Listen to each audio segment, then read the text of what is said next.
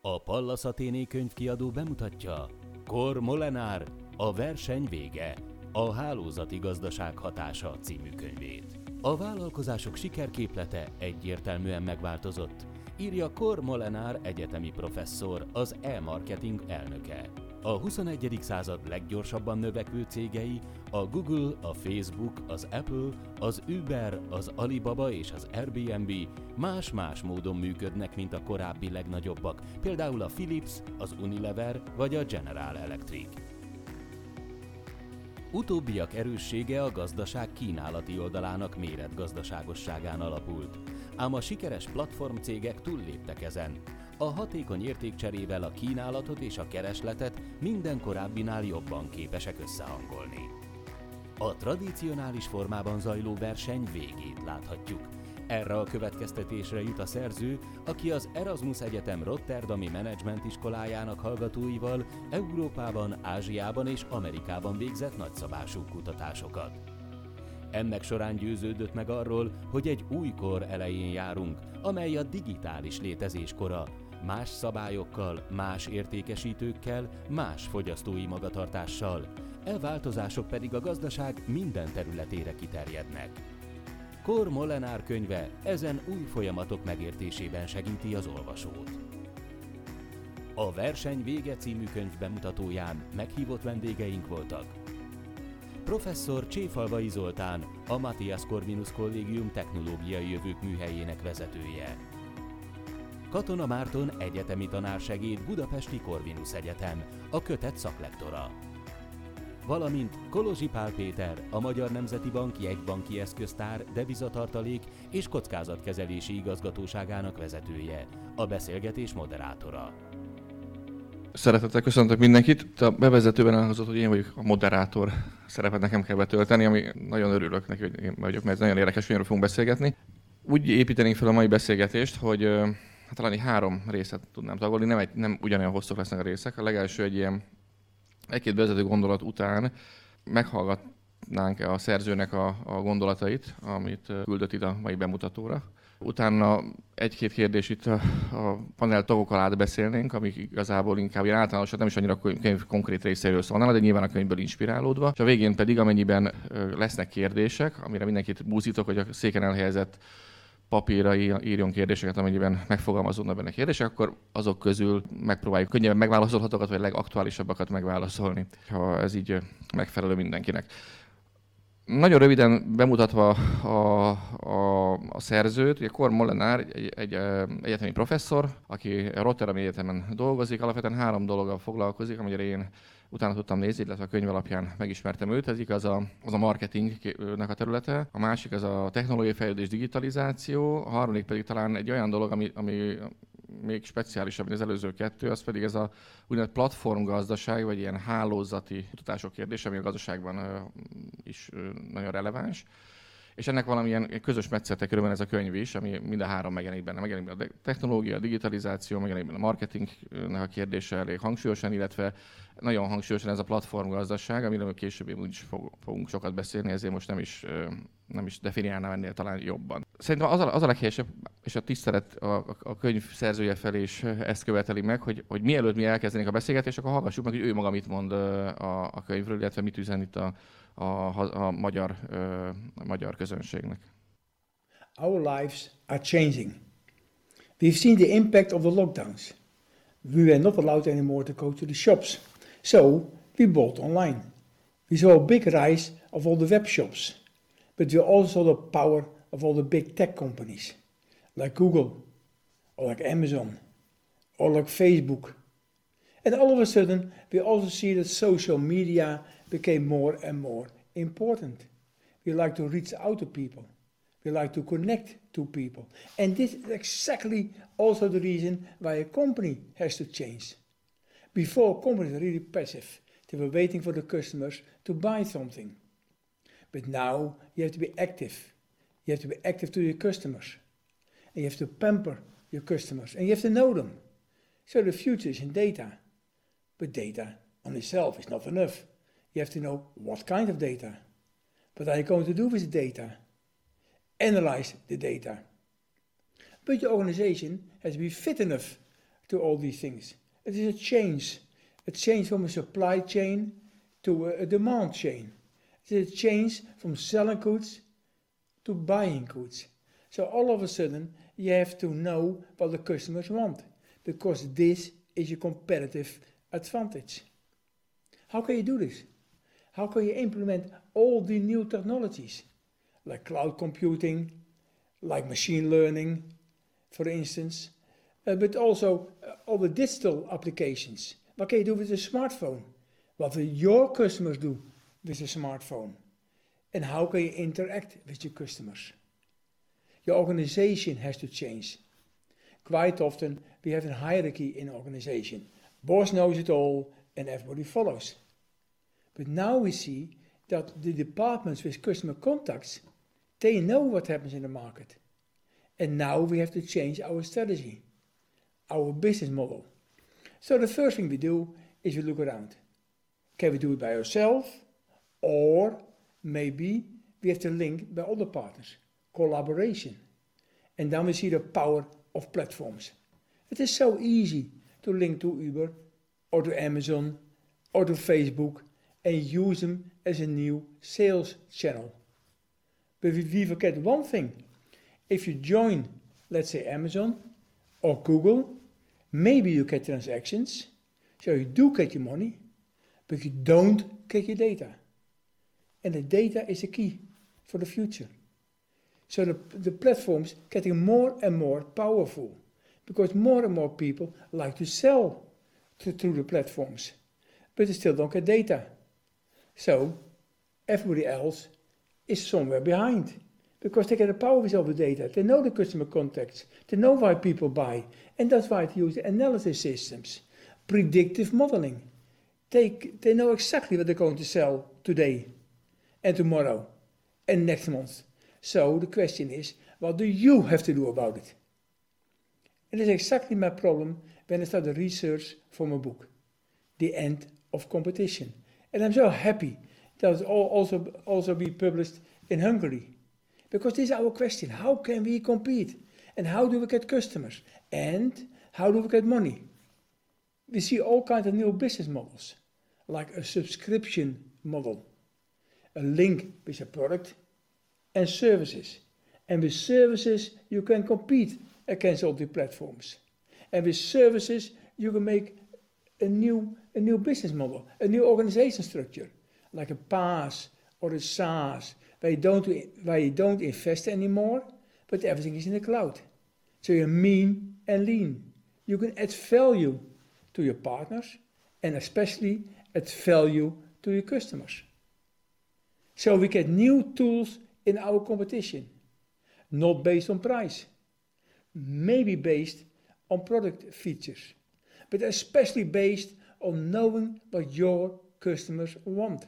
And with a subscription based, model, you, you get money every single month, as you have seen in the software industry, but you can also see it now in the car industry, but you can see it with Nike, where you get a subscription for your shoes and for your data, and then you can see all the new tools who are there. And that's what we have focus for.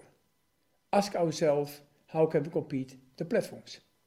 Be a niche player, small markets, but a very close relationship with your customers offer them information, offer them services, and then they like you and they are prepared to pay a higher price for, for you.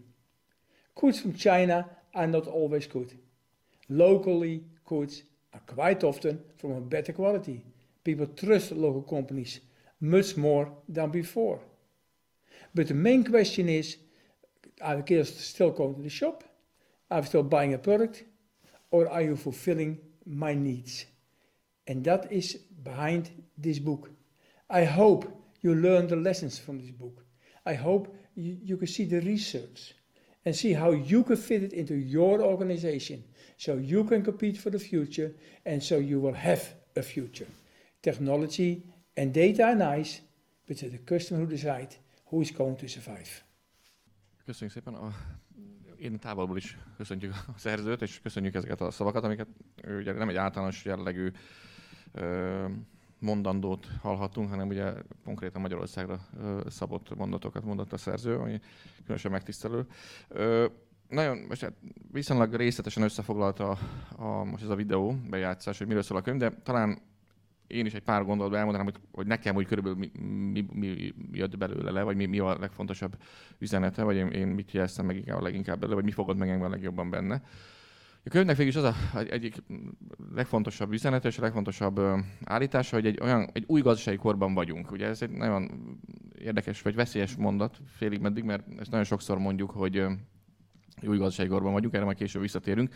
De kétségtelen, hogy a könyv sok mindent, mindennel alá is támasztja, hogy, hogy ez miért gondolja így. Ez egy, az, hogy most egy új korszakba léptünk, ez viszonylag technológia vezérelt folyamat volt, és a technológia lehetővé tette, hogy egészen máshogy működjön a gazdasági élet, az üzleti modellek máshogy, másfélnek legyenek, mint amilyen korábban voltak.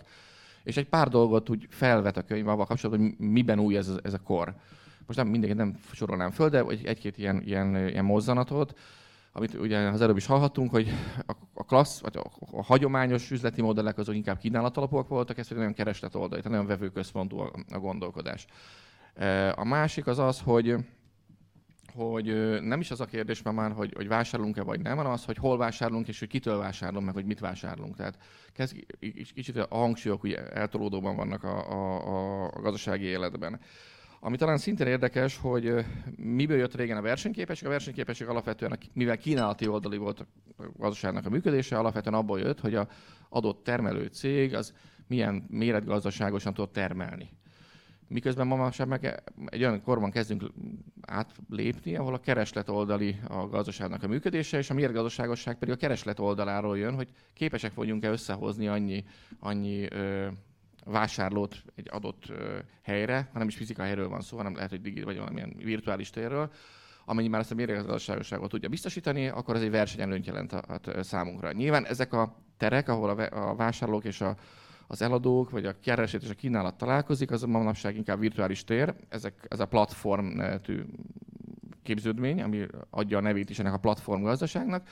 Ugye gyakorlatilag az nem más, mint egy olyan hely, ahol találkozik egymással a kereslet és kínálat, de nem, nem lokálisan, mint régen egy szupermarketben, hanem, hanem nagyon sok helyről tudnak összejönni emberek, és ezek nagyon sokféle termékkel tudnak találkozni.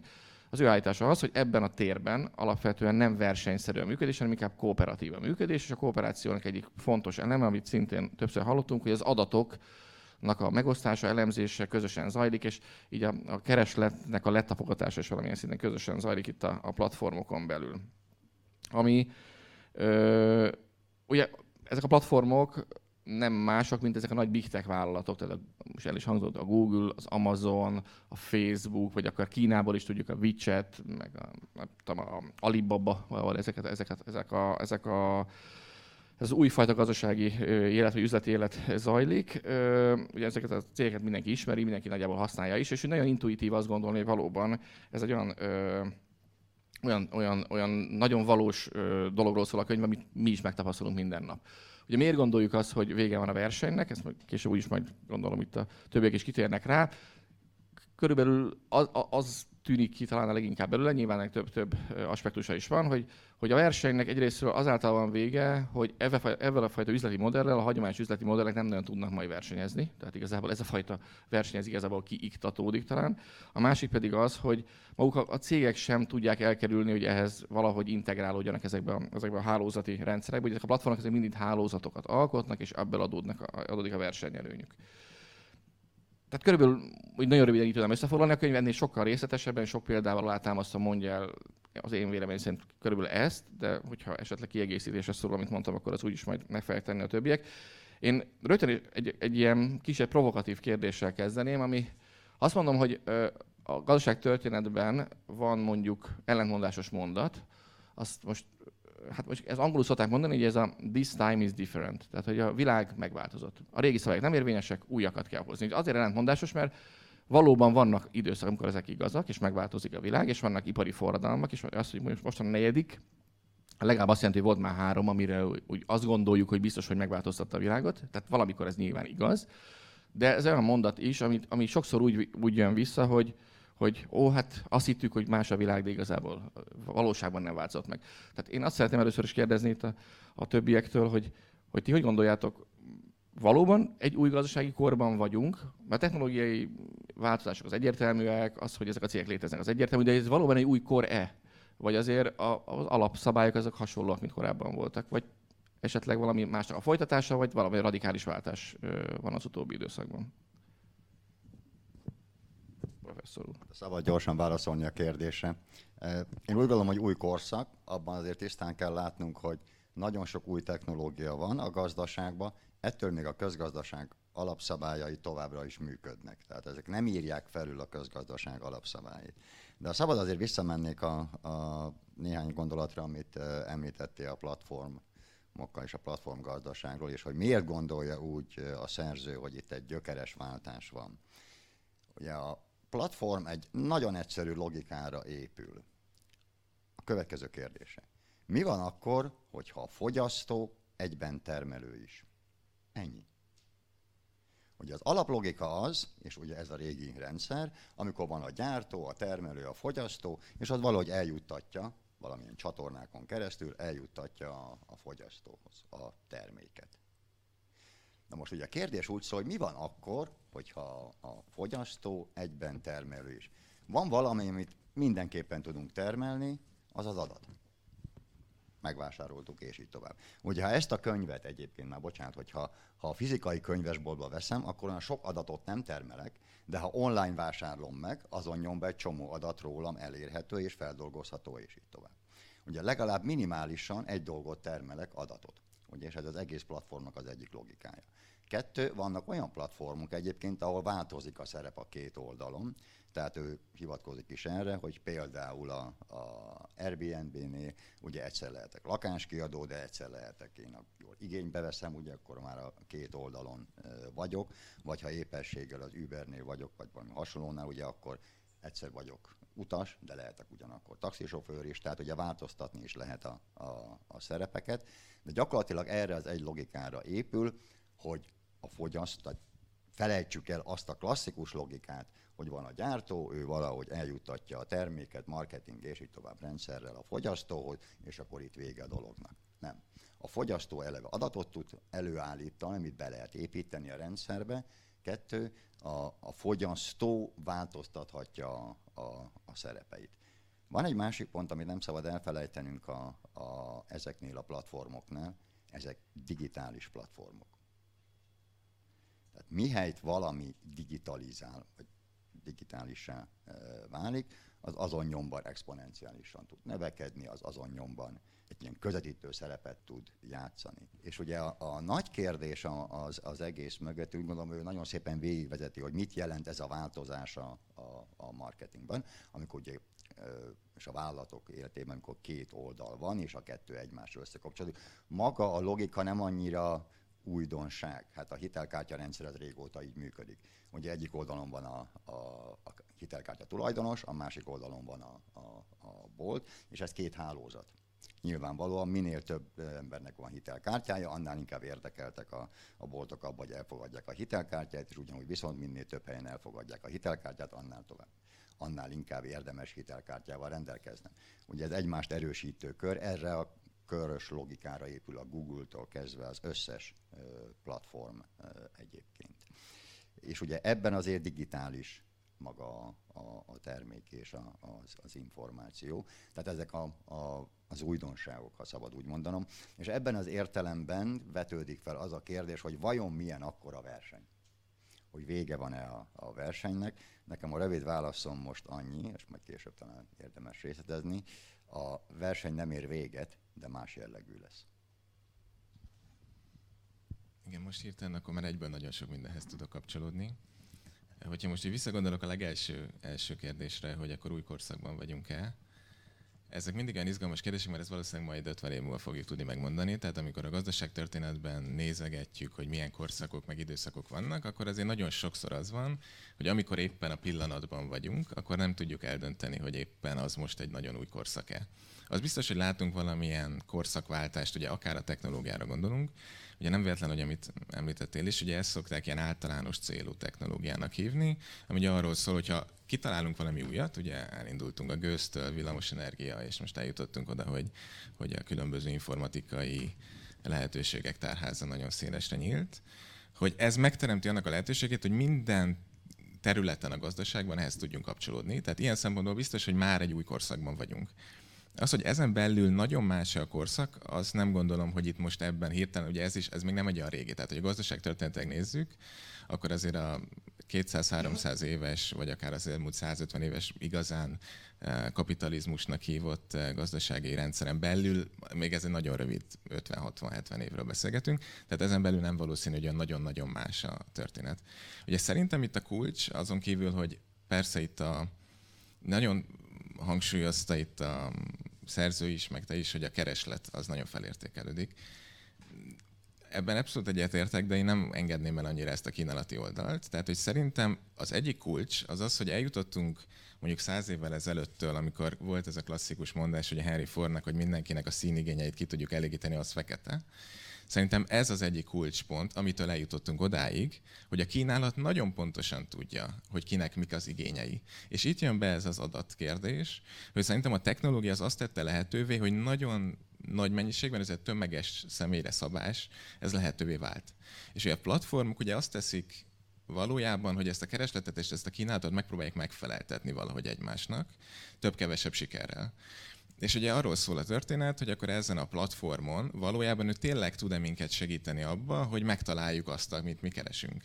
És hogy itt, amikor arról van szó, hogy a versenynek vége, ugye abban az értelemben nyilvánvalóan vége van, hogy valaki kif, ki fog ebből esni. Tehát, hogy a verseny ugye nem véletlen ugye a másik, csak hogy kapcsolódjunk hozzá, és ugye Schumpeternek van a klasszikus mondás, hogy a teremtő rombolás, ami az innovációnak a vele járója, ugye ez pont erről szól. Ugye itt aztán lehet arról beszélgetni, hogy azzal, hogy a versenynek vége, és elindul egy új típusú verseny, akkor ennek nyilván vannak vesztesei, meg vannak nyertesei. Most jelenleg azt látjuk, hogy a technológiai cégek, meg azok, akik időben ide léptek, ugye ez a másik kulcs, hogy az időzítés az nagyon fontos. Tehát pont most, amikor nagyon gyorsan lehet piacra lépni, és nagyon gyorsan ki is lehet hullani, ebből látjuk pont, hogy például amikor az Airbnb ugye itt felmerült. Ugye az Airbnb-nek az alapítója is, amikor elmeséli, hogy ez mekkora történet volt, ugye amikor ők ebbe belefogtak, és próbáltak befektetőt szerezni az ötletükhöz, akkor elhajtották őket nagy része, mert azt mondták, hogy hát ez, ez kizárt, hogy ez működni fog. És ugye aztán kiderült, hogy mégiscsak működik. És nagyon sok olyan technológiai cég van, akár magyar vonatkozást is láttunk Facebookra, stb., amik voltak ugye olyanok, amik időben léptek, de lehet, hogy túl korán. Tehát hogy szerintem itt a platformoknál másik az időzítés, hogy különösen fontos lett, hogy jól meg lehet -e érezni az időnek a szavát. Ugye ez, amiben ezek a technológiai cégek, vagy akár a különböző akár a mobiltelefoniparban az Apple hasonlók, ugye amikor versus Nokia esete, hogy akkor valójában mi történt. Ugye nem véletlen, hogy a, a finneknél ugye van az a mondás, hogy az Apple az két szempontból is bevitte a, a, egy nagy ütést vitt be a finn gazdaságnak, ugye egyrészt az iPad, amikor a papír gyártás miatt ugye elindultunk a digitalizáció fele, a másik pedig, amikor az Apple az okostelefon piacán a Nokia-t. Tehát, hogy vannak olyan pillanatok, amikor valaki nem érzi meg, és szerintem itt, amikor a verseny vége van, akkor ez inkább arra utal, hogy észre kell venni azokat a pontokat, amikor mást kell csinálni. És most valószínűleg van nagyon sok olyan iparág, amikor mást kell csinálni. Ugye látjuk az autóiparban, de most nagyon messzire kanyarodtam. Az autóiparban akár az, hogy akkor most a belső égési motorok, és akkor a Volkswagen bejelenti, hogy innentől kezdve, ugye, és akkor villany. Most, hogy időben lépette, vagy még éppen jó ütemben tér át, azt majd később fogjuk meglátni 20-30 éve múlva, de az biztos, hogy itt van egy váltás. Ugyanez igaz a, az energiaszektorban is, ugye, amikor most látjuk azt, hogy a share rákényszerítik, hogy akkor itt váltani kell. Ugye ez a váltás, ez a versenynek a vége, hogy azon a területen, ami jelenleg voltak, ott biztos, hogy lesz váltás, ugye ebben egyetértek, és hogy a kínálatnál meg valószínűleg ez a személyre szabás az, ami egy kulcs, ez, amit a technológia lehetővé tesz, és ami még talán fontos itt az Airbnb, nagy érdekes, hogy egyszerre lehet valaki a kínálat és a keresleti oldalon is, de egyben azt is kiemelném, hogy egyben kínálatot is tudok teremteni. Tehát, hogy én magam a kereslet vagyok, és valójában a kereslet az nem csak azt mondja most, hogy akkor a kereslettel én akkor mindenféle céget létre tudok hozni, hanem én magam teremtem meg a magam kínálatát akár. Ugye az Airbnb erre egy tökéletes példa, mert hogy én előtte ugye senki nem volt kínálati oldalon ilyen szempontból lakáspiacon, és most én lettem maga a kínálat. Tehát ilyen szempontból szerintem a kulcs az az, hogy egyszerre nagyon gyors az átjárás. Tehát a technológiának köszönhetően gyorsan lehetek a kínálati oldalon, gyorsan lehetek a keresleti oldalon, ez csatlakozom professzor úrhoz és az biztos, hogy ez, ez kinyit egy új lehetőséget a különböző cégek között, hogy erre rá tudjanak kapcsolódni. Úgyhogy ebből a szempontból új korszak is, de nem is. Miért lehetek én magam, ugye ezt mondod, hogy tehát én magam is beléphetek, hogy azért léphetek be a piacra, mert hogy ez egy digitális piac. És a digital, ami digitalizálható, onnantól kezdve az csökkenti a piacra lépés korlátait. És ez, ez az, ami gyökeresen új ebben, ez hogy azért mondtam, hogy digitális platformokról beszélünk, csökkenti a piacra lépés korlátait a vállalatok számára, és csökkenti az egyén számára. És ugye megjelenhetek én is, mint, mint fogyasztó, vagy, vagy akár valaminek a, a kínálata. Ebből következően ugye azért úgy gondolom, hogy a versenynek a lényegét eléggé módosítja maga az, hogy, hogy olyan digitális platformok vannak, amihez bárki hozzáférhet, vagy aki, amiben bárki megjelenhet. Ugye korábban ahhoz, hogy mondjuk egy lakást kiadjunk, stb., akkor lehet, hogy kellett egy közvetítő iroda, és így tovább. Most ezt megteltem anélkül, mert hogy a digitalizáció az csökkenti a piacra lépésnek a költségeit a kínálati oldalon ugye ez a megjelenés, hogy valójában hogy ez a tranzakciós költségek csökkennek nagy mértékben, hogy piacra lépetek. Viszont ilyen szempontból ez izgalmas, hogy a versenynek vége van, de hagyja-e? És ugye ez egy kérdés, hogy akkor mi a szerepe a szabályalkotónak. Ugye tehát, hogy amikor arról van szó, hogy persze a technológia meg a digitalizáció az lehetővé teszi, hogy én belépjek kínálati oldalon, de aztán ez kérdés, hogy akkor az államok vagy adott esetben az állam maga, hogyha egységként kezeljük, vagy egyként kezeljük, erre mit lép. És ugye azért ebben látunk azért eltéréseket. Akár az Airbnb-re gondolunk, hogyha most ugye ezt többször említettük, ugye mint egy ilyen klasszikus platform, ami próbálja meg megteremteni a, a kapcsolatot a két fél között. És ugye itt azért látunk eltéréseket államok között, hogy akkor ezt hagyjuk-e, vagy ne. És szerintem a következő kérdés azért a verseny vége szempontjából, hogy nem csak a fogyasztót, meg nem csak a vállalatokat kell vizsgálnunk, hanem ugye a következő kérdés az az, hogy erre, hogyha akár ebben a szempontból új a verseny, erre mit lép az állam. És ugye ebben azért látunk különböző lépéseket, akár gondolhatunk a technológiai cégekre, ugye amik most nagyon, nagyon ott vannak a célkeresztben, hogy akkor próbáljunk meg valahogy valamit rákényszeríteni, akár, és akkor adózástól kezdve különböző adatvédelmi szabályokon keresztül sokféle szabályra gondolhatunk. És ugyanez igaz ott is, hogy egyénként akkor ugye csorbítják a jogaimat, hogy akkor én most nem adhatom ki a lakásomat, de miért nem adhatom ki, ugye? És akkor figyelembe kell venni nagyon sok hatást, és valószínűleg ez az, ami a hálózati hatásban nem is gondolunk bele, hogy mennyire tovagyűröző hatást vált ki egy-egy ilyen új platform, vagy egy-egy ilyen új szolgáltatás más iparágakban. Tehát az Airbnb, hogy akkor most mondanunk kell-e valamit az albéletárak el, elszállásáról. Vagy hogyha azt mondjuk, hogy a Facebook megjelent, akkor kell mondanunk valamit, hogy nagyon átalakult a reklámpiac. Ugye, hogy akkor most már nincs nagyon értelme magamnak reklámozni, mert hogyha Facebookon keresztül teszem ezt, akkor sokkal nagyobb az elérésem. És ezért ugye nyilván vannak vesztes iparágak. És ugye erre, hogy szabályozó oldalon mit lépünk, azt szerintem egy plusz még egy izgalmas kérdés, hogy akkor ez a laissez hogy akkor úgy hagyjuk, minden van magam edrébe, vagy azt mondjuk, hogy erre valamit mondani kell, és szerintem ez az, amit a könyv, és szerintem a szerző valószínűleg nyilván direkt, de hogy ilyen típusú megfontolásokat nem tett, tehát hogy nagyon, nagyon pozitivista ez a típusú megközelítés, amit a szerző alkalmazott, és nem igazán ment bele ezekbe az etikai megfontolásokba, hogy akkor ezzel kapcsolatban kell valamit mondanunk, hogy itt a végén, amikor arról van szó, hogy az ázsiai országok feltörnek és új piacokat nyújtanak a különböző európai vállalatoknak, vagy amerikai vállalatoknak is akár. Ugye nincs arról szó, hogy ennek akkor milyen feltételei vannak. És akkor ez a verseny, aminek vége van, hogy akkor ez tisztességes versenye. Ugye sem arról van szó, hogy akkor ha egy európai vállalat megy a kínai piacra, akkor nagyon más szabályoknak kell megfelelni. Akár gondolhatunk a különböző pártembereknek a megjelenésére a különböző szervezetekben, vagy nagyon más, amikor a kínai vállalatok jelennek meg Európába. Tehát ilyen szempontból, amiatt, hogy hálózatról beszélünk, és ezek a konglomerátumok ugye nagyon sok szereplőből állnak, amit ugye egy professzor említett is, hogy, hogy ebben a hálózatban ugye nagyon sok szereplő van, míg eljutunk A-ból B-be, hogy akkor ezek a szereplők egyenként kell vizsgálni őket, nemzetközileg vizsgáljuk őket, az majd egy következő kérdés lesz. Most vissza, vissza, visszaveszem a szót, mert azt mondtam, hogy milyen jó a moderátornak, hogy valaki tovább beszélne, de hogyha végülis minden egyes gondolatot el, valahogy fölvettetek, vagy fölvet, fölvetődnek a beszélgetésben, amit szeretném megkérdezni, és megnehezíti a dolgomat, tekintenek vissza. Akkor mert nagyon sok minden elhangzott, amit én is szerettem volna megkérdezni, akkor kicsit menjünk bele ebbe a normatív részébe, ez engem is érdekel. Kicsit a könyvben valóban hiányzik szerintem is. De nem, de nem azért, mert nem kell mindennel foglalkozni. Tehát egy könyv az csak 300 oldal, nekünk meg van 45 percig, hogy mindenről meg, meg, meg tudjunk beszélni. Szóval igazából ugye az érdekesség, persze ez egy, egy nagyon pozitív dolog, hogy mindenki adatot szolgáltat, tökéletesedik a, hogy mondjam, a letapogatása az igényeknek, össze lehet hozni a legnagyobb verseny, gyakorlatilag generálni lehet azért a, a platformon belül, hogy kiválaszthassa, ami nekem a legjobb, hogy megtalálhassanak abban, ami nekem valóban jó, stb. stb. De ha belegondolunk, azért a közösségtannak van egy olyan, olyan irányzat, nem mondanám, de mondjuk egy megállapítása, hogy azért nem szoktuk annyira szeretni. Pont a, háló, a hálózat azért, azért nem, egy, nem egy ilyen nagyon ö, szeretett dolog, mert mert, mert nagyon monopolisztikussá teszi a rendszert. Ugye pont a hálózatnak minden hozott értéke abból adódik, hogy minél többen vannak benne, és minél többen vannak benne, könnyű belépni, de nehéz belőle kilépni például.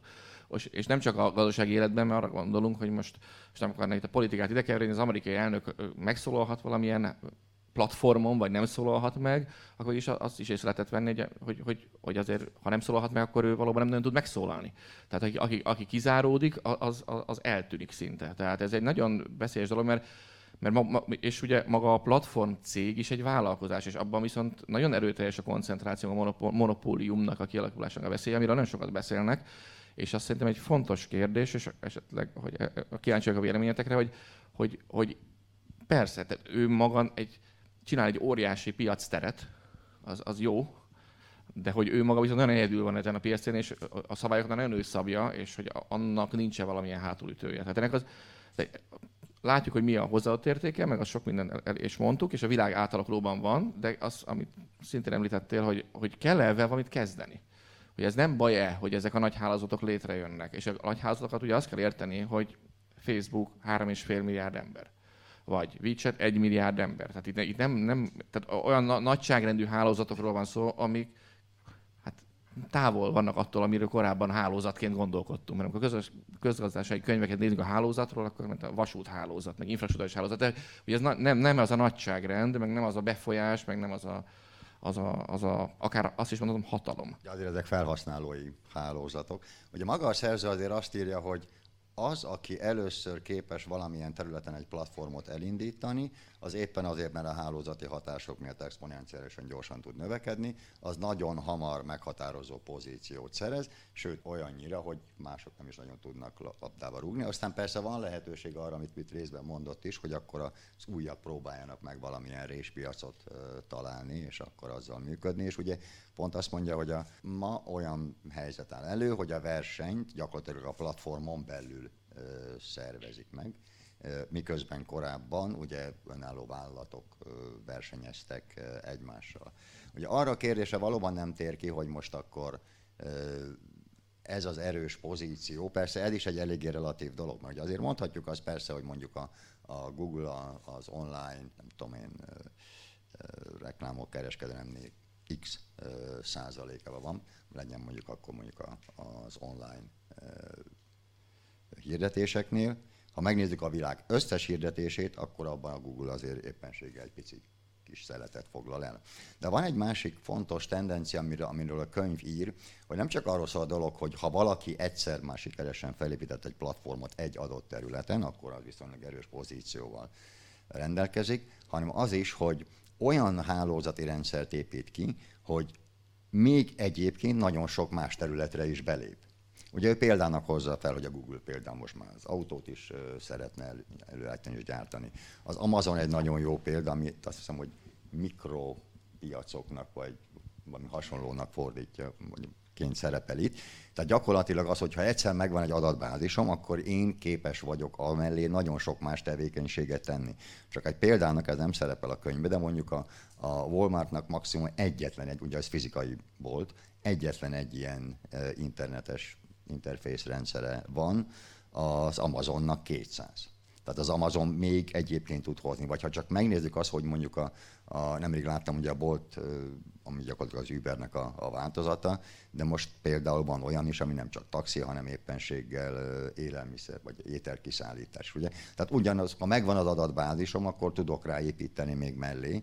Tehát itt nem csak arról szól a dolog, hogy van egy meghatározó pozíciójuk, amivel valamit vagy kezdünk, vagy nem, hanem az is, hogy mivel rajta ülnek ezen a hatalmas adatbázison, felhasználói adatbázison, ebből következően sok dolgot tudnak mellé építeni. Most az adathoz még azért két dolgot, hogy, hogy az adat egy elég furcsa dolog. Egyrészt nyilvánvalóan még egy plusz adat, annak a marginális haszna a cég számára nem egy olyan nagy dolog egy idő után, miután az algoritmusokat megtanította mind arra, mire kell.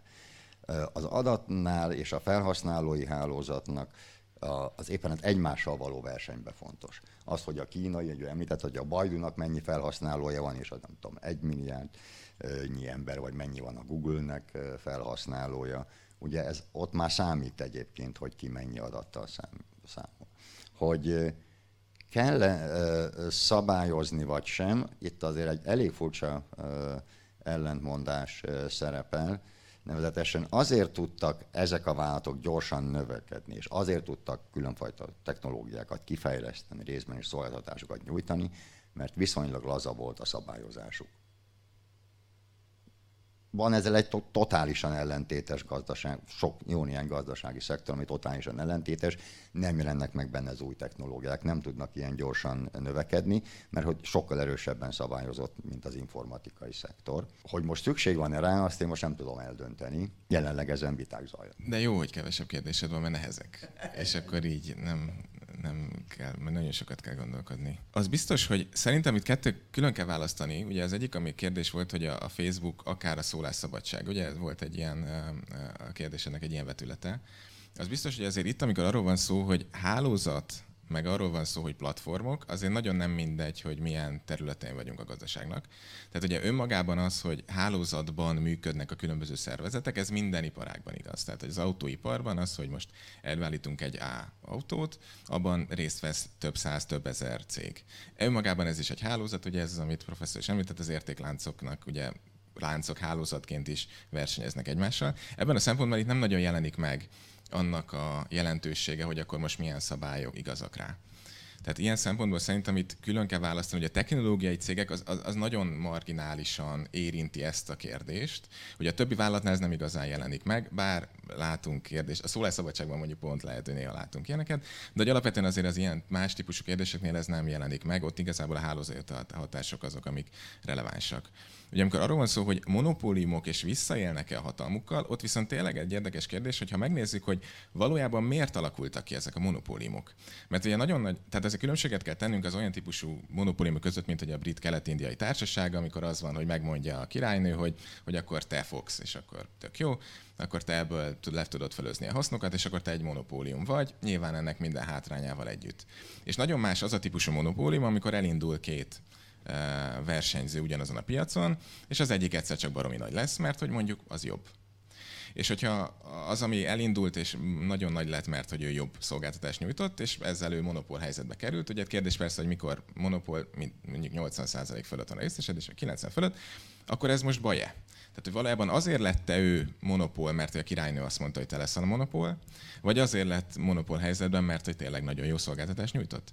És utána jön a következő kérdés, hogyha először ugye pont a szabályokat kihasználva azért jutott oda, mert nagyon jó szolgáltatást nyújtott, utána jön a kérdés, hogy ezzel visszaéle. És talán itt a következő kérdés, ugye, hogy engedi-e, hogy belépjenek új szereplők, és szerintem most ez a releváns kérdés, hogy egyáltalán meg tudnak-e jelenni, ugye itt a legels, legelején talán felmerült az, hogy a kilépésnek a költsége. És ugye pont emiatt jelenik meg ez a hatás, hogy mivel nagyon nagy a hálózat, ezért nagyon nagy költsége jár elhagynom mert ugye akkor kimaradok mindenből. És ugye ugyanez a szervezetekre is igaz, hogyha mondjuk lejövök egy platformról, nem tudom, maradjunk akkor magyar példán, lejövök a netpincéről, vagy valami hasonló volt, stb. És az étterem nem ott fog árusítani, akkor én elkezdek magam árusítani, akkor nyilván plusz költségeket kell vállalnom, marketing, el kell érnem az ügyfeleket, kevesebbet tudok, stb. De ez már nagyon régen is így volt, ugye erre nagyon sok elmélet van, hogy ugye miért egy területre men minden, szerve, minden cég, vagy azonos típusú cégek. Tehát amikor azt akarjuk mondani, hogy szedjünk össze három-négy utcát, magyar Budapesten, ahol autókereskedések vannak. Ugye mondjuk az autókereskedésének szerintem 90%-a három utcában van. Tehát az a hatás, hogy akkor persze, hát hova menjek? Ugye akkor nyilvánvalóan, hogyha én nem abba az utcába mennék, ahol már van 60 autó, akkor ugye elengednék egy csomó potenciális vásárlót, aki azt mondja, hogy hát ha én autót akarok keresni, ebben a három utcában megnézem, mik vannak. Tehát ilyen szempontból az, hogy versenyzők vannak ezen a platformon, az jó. A következő kérdés az, hogy visszaélnek ezzel a hatalommal. És azért itt, ami igazán érdekes, hogy hogyan élnek vissza a hatalmukkal, szerintem ugye leginkább, ami jelenleg megjelenik, hogy hogyan akarják a tudásukat növelni, ugye a felvásárlásokkal. Tehát, hogy az egyik, amit különösen megjelenik, hogy valójában ugye úgy öljük meg a versenyt, hogy azért nem öljük meg a versenyt, mert azért piacra léphetsz, nagyon jó, hogy van egy új ötleted, de hogy a nagy hal azt mondja, hogy hát figyelj ide, 5 milliárd dollárért van-e kedved eladni. És ugye ez, amit elmesél mondjuk, ha jól emlékszem, az Oculusnak a vezére, hogy aztán a Facebook vásárolta meg, hogy ez úgy történt, hogy hajnalban felkelt, és Zuckerberg telefonált, hogy én ezt megvenném, és akkor, hogyha ez neked rendben van, akkor majd az ügyvédek telefonálnak. Vagy amikor a Disney felvásárolja a különböző produkciós cégeket, és akkor arról van szó, hogy elmeséli a Disney vezére, hogy fölhívta a Steve Jobsot még akkor, amikor meg akarta venni a Pixart, hogy akkor én ezt megvenném. És akkor ugye valójában ezzel is a versenynek vége van, de közben meg a fogyasztó szempontjából nem biztos, hogy azt jelenti, hogy akkor itt borzalmas dolgok fognak történni. De ha visszaél a hatalmával, akkor viszont, és akkor itt visszakanyarodtunk a szabályozás oldalára, akkor valamit lépni kell, és ebben látunk még foghíjas kérdéseket, hogy hogyan kéne erre reagálni. Csak egy pillanat, én is szólnék, hogyha valakinek van kérdése, akkor azt írja fel erre a nála levő papírra, és azt hát, nem tudom, valami ütemes lengetéssel mutassa itt a kollégáknak, akik összeszedik a kérdéseket. Milyen pillanatról milyen megadom a szót. Szerintem az egy érdekes kérdés, hogy, hogy, hogy a monopólium ellenes szabályok tekintetében van erre jelentősége, hogy kijelöltek-e, vagy pedig valaha a múltban hatékonyabb voltam, vagy nem, mert szerintem annak is van relevanciája, hogyha valaki csak úgy megnőtt, és attól az még monopólium, és az nagyon nehéz. Tehát ne, tehát ritka az a monopólium, aki nem, nem élne vissza valamilyen szinten a monopolisztikus hatalmával, ezért van az, hogy a nagyon tehetséges, ámbátor, nagyra nőtt vállalatokat még azért mégis megpróbálják szabályozással visszaszorítani, vagy akár szét is szedni. Ugye erre is van példa. Tehát én ezt kicsit kevésbé látom optimistán, de, de, de elfogadom az érvelést mindjárt visszadom a szót, akkor gyorsan fel, feltek két gyors kérdést, mert az idő meg elszaladóban van, és azért arra is figyelnünk kell, hogy tartsuk be itt a, a, ezeket a formális szabályokat. Ugye felmerült az, hogy ezek a nagy hálózatok, ezek pompás lehetőséget adnak a cégeknek arra, hogy, hogy, hogy terjeszkedjenek, és akkor megjelenjenek a, az Uber, vagy nem tudom, már ételszállítás, stb. stb. Ugye van ennek egy ilyen érdekes területe, elég sok fejtörést okoz például az abban a, abban a világban is, ahol én dolgozom, hogy egy bankok világában például hogy a pénzügyek területére ezek, a, ezek betörhetnek el, és annak milyen jelentősége van, tehát, hogy erről egy-két gondolatot mondanátok. Illetve van fölmerült Egyesült Államok versus Kína, nagyon egyszerű kérdés, ki áll nyerésre ebben a helyzetben? A, csak egy dolog, ugye ahhoz visszatérve arra a kérdésre, aztán megpróbálok válaszolni majd az Egyesült Államok Kína ügyében is. Ugye miért vás, tehát egyrészt fölvásárolhatják ezeket a cégeket nyilvánvalóan, akkor vásárolják fel, amikor már látszik részben, hogy versenytárs lehet, ugyanis a Facebook, mikor a WhatsAppot felvásárolta, azt hiszem 17 milliárd dollárért, de azért a felvásárlások egy része az gyakorlatilag arról szól, hogy az ott lévő kollégákat vásárolják meg, tehát a tehetségét vásárolják meg. Ugye ez már, ez már a startupok stratégiája, hogy elkezdenek növekedni, és akkor onnantól kezdve eljutnak egy pontig, ahol majd dönteni kell nekik, hogy egy, megyünk-e tovább, van ennek esélye, vagy pedig hurrá, és akkor megvet minket x-ért hajnalba kapok egy telefont, és akkor ez szerintem nagyon jó, erre vártam már nem tudom, egy, egy másfél éve, hogy végre, és akkor utána persze beraknak oda valamilyen igazgató tanácsítottam ott, hogy azért meglegyen, és akkor velem jövő 8-10 ember, nem tudom mekkora vagy 20, azt a tehetséget is megvásárolják. Tehát ez ugye részben azért ez is mögötte van, ami persze részben része a, a tehetségekért zajló globális versenynek. Na most ugye Kína és az Egyesült Államok, itt ugye nagyon sok szó esik Kínáról, és Kína a könyvben arra példa, hogy mit jelent az, hogyha ha óriási felhasználói hálózat van. Ugye, mert a, a amerikai cégek úgy tudnak óriási felhasználói hálózatot, hogy Európában is részt vesznek, és aztán a, próbálnak globálissá válni, és akkor ugye megvan a, a felhasználói hálózat. Ugye számítások szerint valamikor 2035-re a Föld összes lakója a Facebooknak hozzá csatlakozhat. Ugye most említetted ezt a a lassan 3 milliárdot, akkor még ezek szerint van potenciál hozzá. Ugye Kína óriási előnyel felhasználói hálózat, de nem csak arról szól, hogy felhasználói hálózat, az azt is jelenti, hogy adat, az azt is jelenti, hogy az algoritmusok mögötte sokkal ö, pontosabban alakíthatók. Az algoritmusok utána persze újabb és újabb termékeket tudnak ö, létrehozni, ami a fogyasztó igényeihez van. Tehát ugye Kína úgy kezdi, hogy gyakorlatilag lekoppintja a, a Google, gyakorlatilag lekoppintja a Facebook, Facebookot, nem engedi be, megcsinálja annak saját változatait, ez a Tencent, a Baidu és így tovább. Azok aztán ezzel az óriási felhasználói hálózattal, ugye egy milliárd emberről beszélünk, azzal az óriási felhasználói hálózattal bizonyos tekintetben sokkal jobbak, mint az eredeti amerikai. Ugye eljutnak odáig. Van azért néhány pont, ahol a, nem megy bele a szerző ennek, ennek a részébe, de ugye az egész mögött azért mégiscsak mesterséges intelligencia működteti a, a rendszer, össze kell párosítani a, a, a feleket, erről szól a platform, a két oldalt valahogy össze kell tudni kötni, eh, ahhoz kellenek a, az algoritmusok, hogy ezeket hogyan jelzik előre, és így tovább.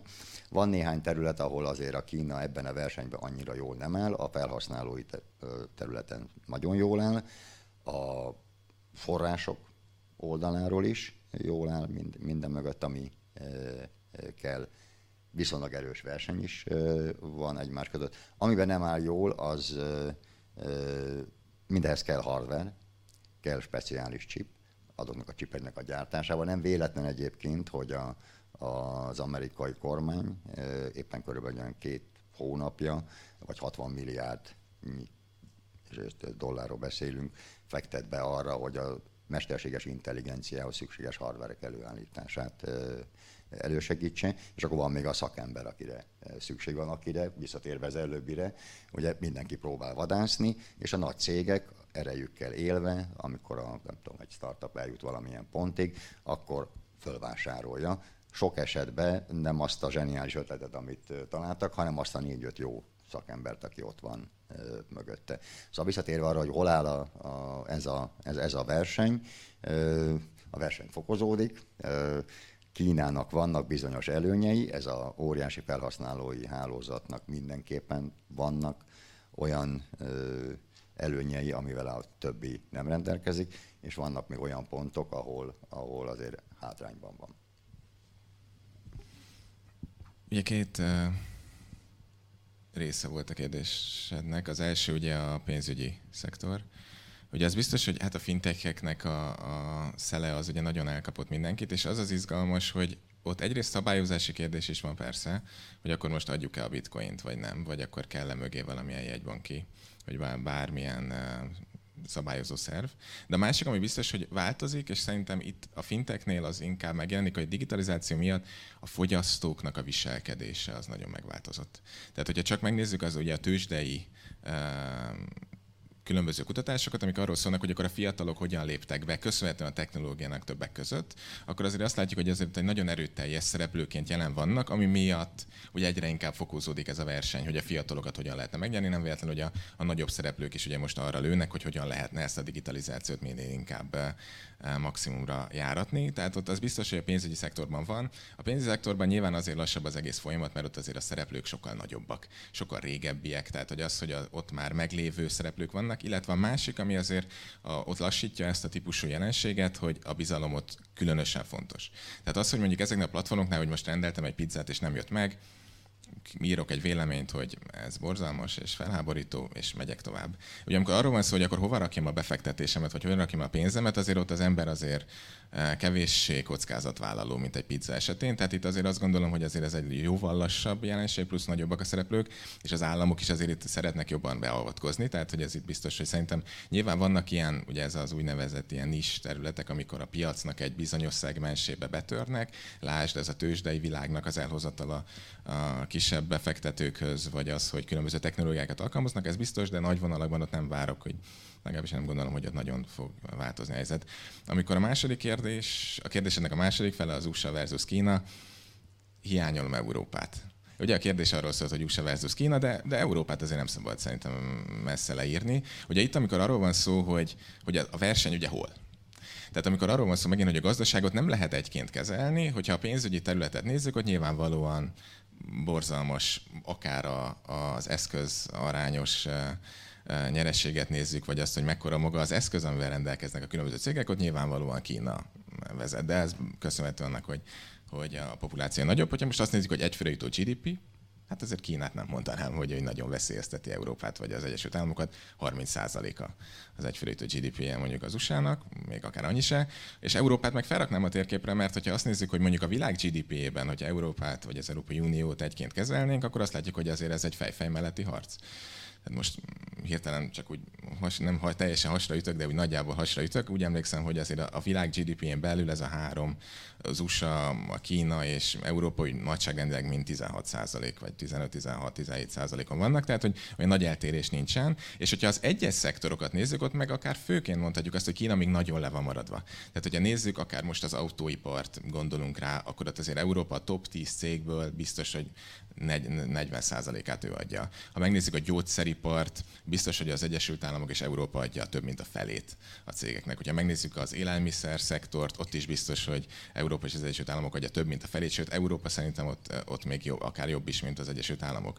Vagy hogyha azt nézzük, a technológia, tehát hogy vannak nagyon sok olyan iparágak, amiben bőven azért a verseny még mindig arról szól, hogy azért Európa top, és az Egyesült Államok nyilván vannak olyan szektorok, amiben előrébb van, de ugye azért én, ott azért Kína még messze, messze, messze le van maradva. És akkor persze vannak olyan szektorok, és ez az igazi kérdés, hogy ez most tényleg domináns lesz, mert a technológiai iparban ott, ott van egy lemaradás Európának, és ott az az, ami eh, Kína nagyon erőteljesen jön fel, akár ami professzor említett a mesterséges intelligenciába, és akkor innen a kiber hadviselésig eljutunk. De hogy alapvetően az biztos, hogy itt van egy éles verseny ezeken az új területeken. Az már egy másik kérdés, hogy a régi területek azok tényleg eltűnnek-e.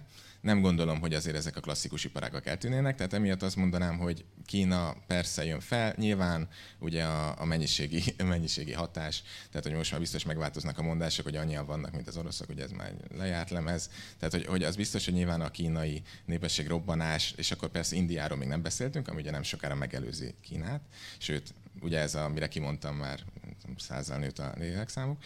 Tehát, hogy alapvetően nyilván ez a verseny azért hosszú távon mondhatjuk, hogy a mennyiség miatt Kínának szól, de én azért ezt még nem menném biztosra, mert nagyon gyorsan változnak az események, és, és Európát mindenképpen feltenném a térképre.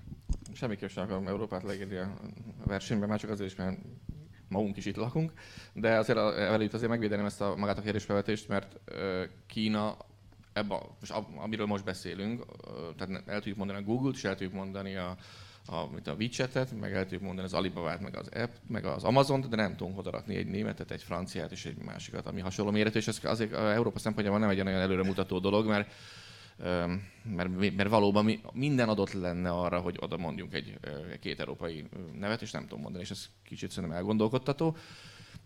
Most két kérdés érkezett a, a, a, a nézők sorából, ezeket összevonom, mert összefüggnek, és szerintem gyorsan próbáljuk válaszolni, hogy utána le is lehessen még majd zárni a beszélgetés, hogy Katinka fog megtenni.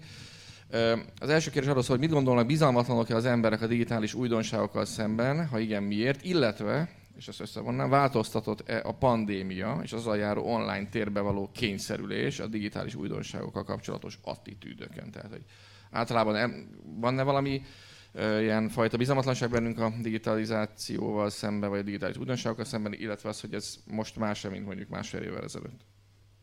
És megint azért visszatérnék egy fél mondatra. Ugye a Margaret Verstragen, ő most ugye a digitális Európáért felelős biztos és alelnöke az Uniónak, akkor, amikor a parlamenti meghallgatása volt, akkor azt a klasszikus mondatot mondta, hogy, hogy Amerikának ott van minden pénze, Kínának ott van minden adat, nekünk céljaink vannak. Mármint, hogy a technológiai versenyben hol állunk. Ugye gyakorlatilag azt próbálta kifejteni, hogy az Európai Unió egyfajta szabályozási hatalomként próbálja magát pozícionálni ebbe a versenybe, ahol visszatérve előbb, ugye ebbe technológiai versenyben, és most csak annak a része a, a, a platform, ott azért vannak bizonyos ütőkártyák a kínaiak kezébe, vannak ütőkártyák az amerikaiak kezébe, mi meg azt mondjuk, hogy mint Európában, hogy mi majd szabályozunk, és akkor egy szabályzó hatalomként próbálunk részt venni. A kérdése az, hogy a, a, a pandémiának milyen hatása van. Nyilvánvalóan nagyon, tehát üzleti modellek alakultak át az elég jól látható. Maga a digitalizáció felértékelődött, vállalatok kényszerültek arra, hogy ha kell, akkor találjanak ki olyan megoldásokat, amik digitálisá teszik a, a, a, a tevékenységet, amivel foglalkoznak, vagy abba, ahhoz való ö, kapcsolódás. Tehát azt látjuk, hogy, hogy azokon a területeken, ahol korábban is erős volt a digitalizáció, az megerősödött, és új területek léptek be. Tehát a oktatástól kezdve, egészségügy és így tovább, amik valószínűleg egyébként tovább erősödnek majd. Azért egy picit óvatos becsüléssel kell élni, hogy mi történik akkor, hogyha valóban visszaáll a gazdasága egy rendes üzemmódra. De én úgy gondolom, hogy hogy maga, a, és itt nem csak az online kereskedésről van szó, a, maga a digitalizáció kapott egy óriási erős lökést, és ugye két dolog van.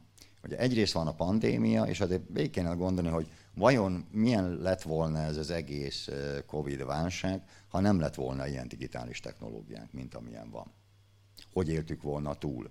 Hogy oldotta volna meg az egészségügy? Teszteléstől kezdve nagyon sokfajta a lépése. Tehát valószínűleg sokkal nehezebben, tehát ilyen szempontból örüljünk, hogy bármit lehet örülni benne, hogy a válságot segítette a digitális technológia kezelni, Ugyanakkor azt is látjuk, hogy nagyon sok vállalatot rákényszerített modellváltásra, és úgy gondolom, hogy ennek egy része megmarad. Ugye Magyarországon állandó vita ez a home office hasonló, majd mi történik akkor, amikor már nincsen home office, és nem pizsamába kell dolgozni, és így tovább. Valószínű, hogy ennek egy része megmarad, mert ugye azért kiderült, kiderült az, hogy nagyon sok tevékenység megoldható úgy is, és lehet, hogy fölösleges volt másmilyen megoldással, ahogy tették korábban. Ennek azért ki kell várni a hatásait még. Ugye az, az első kérdés, vagy nem tudom, hogy első kérdés, de hogy a kérdésnek az első fele arra vonatkozik, hogy változott-e az online térben való bizalma, a bizalma a vásárlóknak. Ez a második volt, de igazából... Vagy az a második volt, de hogy az első? Nagyjából erről, Igen. Digitális, digitális megoldásokat szembeni bizalom, illetve az, hogy a pandémia hogyan hagyott erre.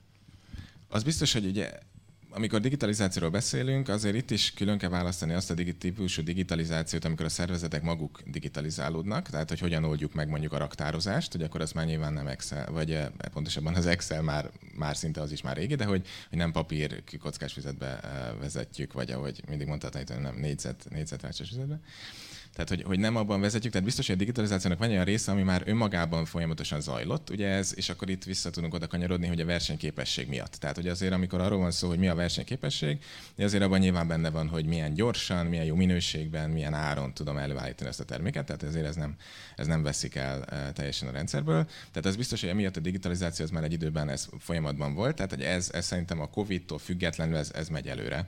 A kérdés ugye az az, hogy a fogyasztó oldaláról ez hogyan jelenik meg. Ott biztos, hogy az idő előre haladtával ez egyre inkább elfogadottabb lesz. Ugye itt a bizalomnál van egy olyan kérdés, hogy először nyilván a minden újtól az embernek van egy valamilyen általános félelme, tart tőle, stb. Ugye itt megint ki tudnám emelni, hogy akkor az államnak meg a szabályozónak milyen feladata van, hogy ezt a bizalmat meg tudja teremteni. És szerintem ez az, amiben sokat haladtunk előre az utóbbi időben, tehát amikor arról van szó, hogy akkor mondjuk az online vásárlásban is visszaküldheted, nem küldheted vissza, nem veszik el a pénzed, megpróbáljuk akkor a bankok, hogy akkor visszatérjünk két lépcsős hitelesítés, ne lopják el a kártyadataidat, stb. Tehát ezek mind olyan bizalomnövelő jótállás garancia, ugye, ami már nagyon régóta benne van a rendszerben. Ezek mind-mind növelik azt, hogy egyre inkább online térben való vásárlásnak a, a bizalom szintje az embereknek egyre nőjön. A másik pedig az nyilvánvalóan, hogy van egy uh, idő előadtával egy generációs kérdés is, hogy, hogy valójában, és akkor itt ugye ez össze kötni ezzel a Covid változik-e, hogy ez az atipikus foglalkoztatás, meg digitális nomádok, meg ugye vannak ilyen nagyon trendi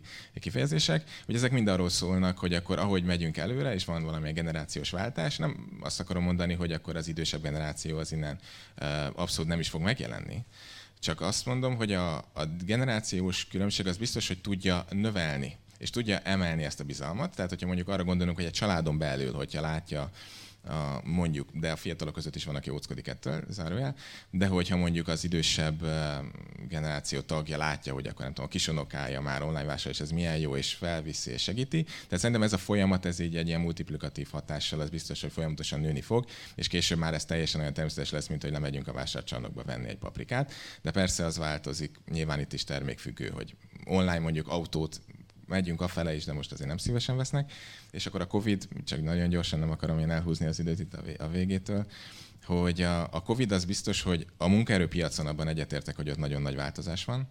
Tehát, hogy az ott biztos, hogy ott át fognak alakulni munkakörök, meg fognak változni a munkavégzés módjai, lehet távolról, nem távolról, biztos, hogy jól csináljuk, de ennek is volt már egy hatása, tehát amikor arról van szó, hogy hálózatok, hogy hát amikor együtt dolgozik az indiai cég az amerikai céggel, ugye már most is valami hasonlóról volt szó, most azt látjuk, hogy ez már lokálisan is egyre inkább megvalósul, tehát hogy nyilván azért nem megyek el Indiába, hogy most van egy megbeszélésre, de mondjuk most már nem kell elmennem a szomszédos településre se a megbeszélésre, ez biztos változik. Akár az egyetemeken is, ugye ez kinyitja a lehetőséget, hogy távolról tudjanak tanulni a diákok, és hogy nem kell bejönni, ez segíti a nemzetközi esedés, globalizáció, stb. ezeket mind felhajtó erővel bír. Tehát, hogy vannak olyan területek, ahol van hatása a Covid-nak, ebben egyetértek, viszont biztos, hogy rengeteg olyan, és a professzor is említett, hogy azért visszatérünk a normák kerékvágásba, azért vannak az emberi viselkedésnek olyan általános jellemzői, amik azért ilyen rövid távon nem változnak meg.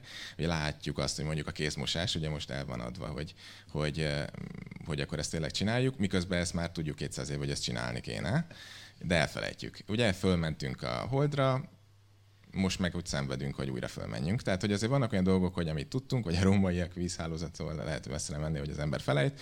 Tehát biztos, hogy vannak olyan területek, ahol hosszú távú hatása nem lesz a Covid-nak, de vannak például foglalkoztatásban, biztos. Köszönjük szépen a kérdéseket is, a válaszokat is. Kor Molenár a Verseny vége című könyvét keresse a Pallas Athéné könyvkiadó webshopjában, vagy a Bölcsvárban található könyvesboltjában. Köszönjük megtisztelő figyelmét! Ha tetszett műsorunk, várjuk Önt a következő adásunk alkalmával is.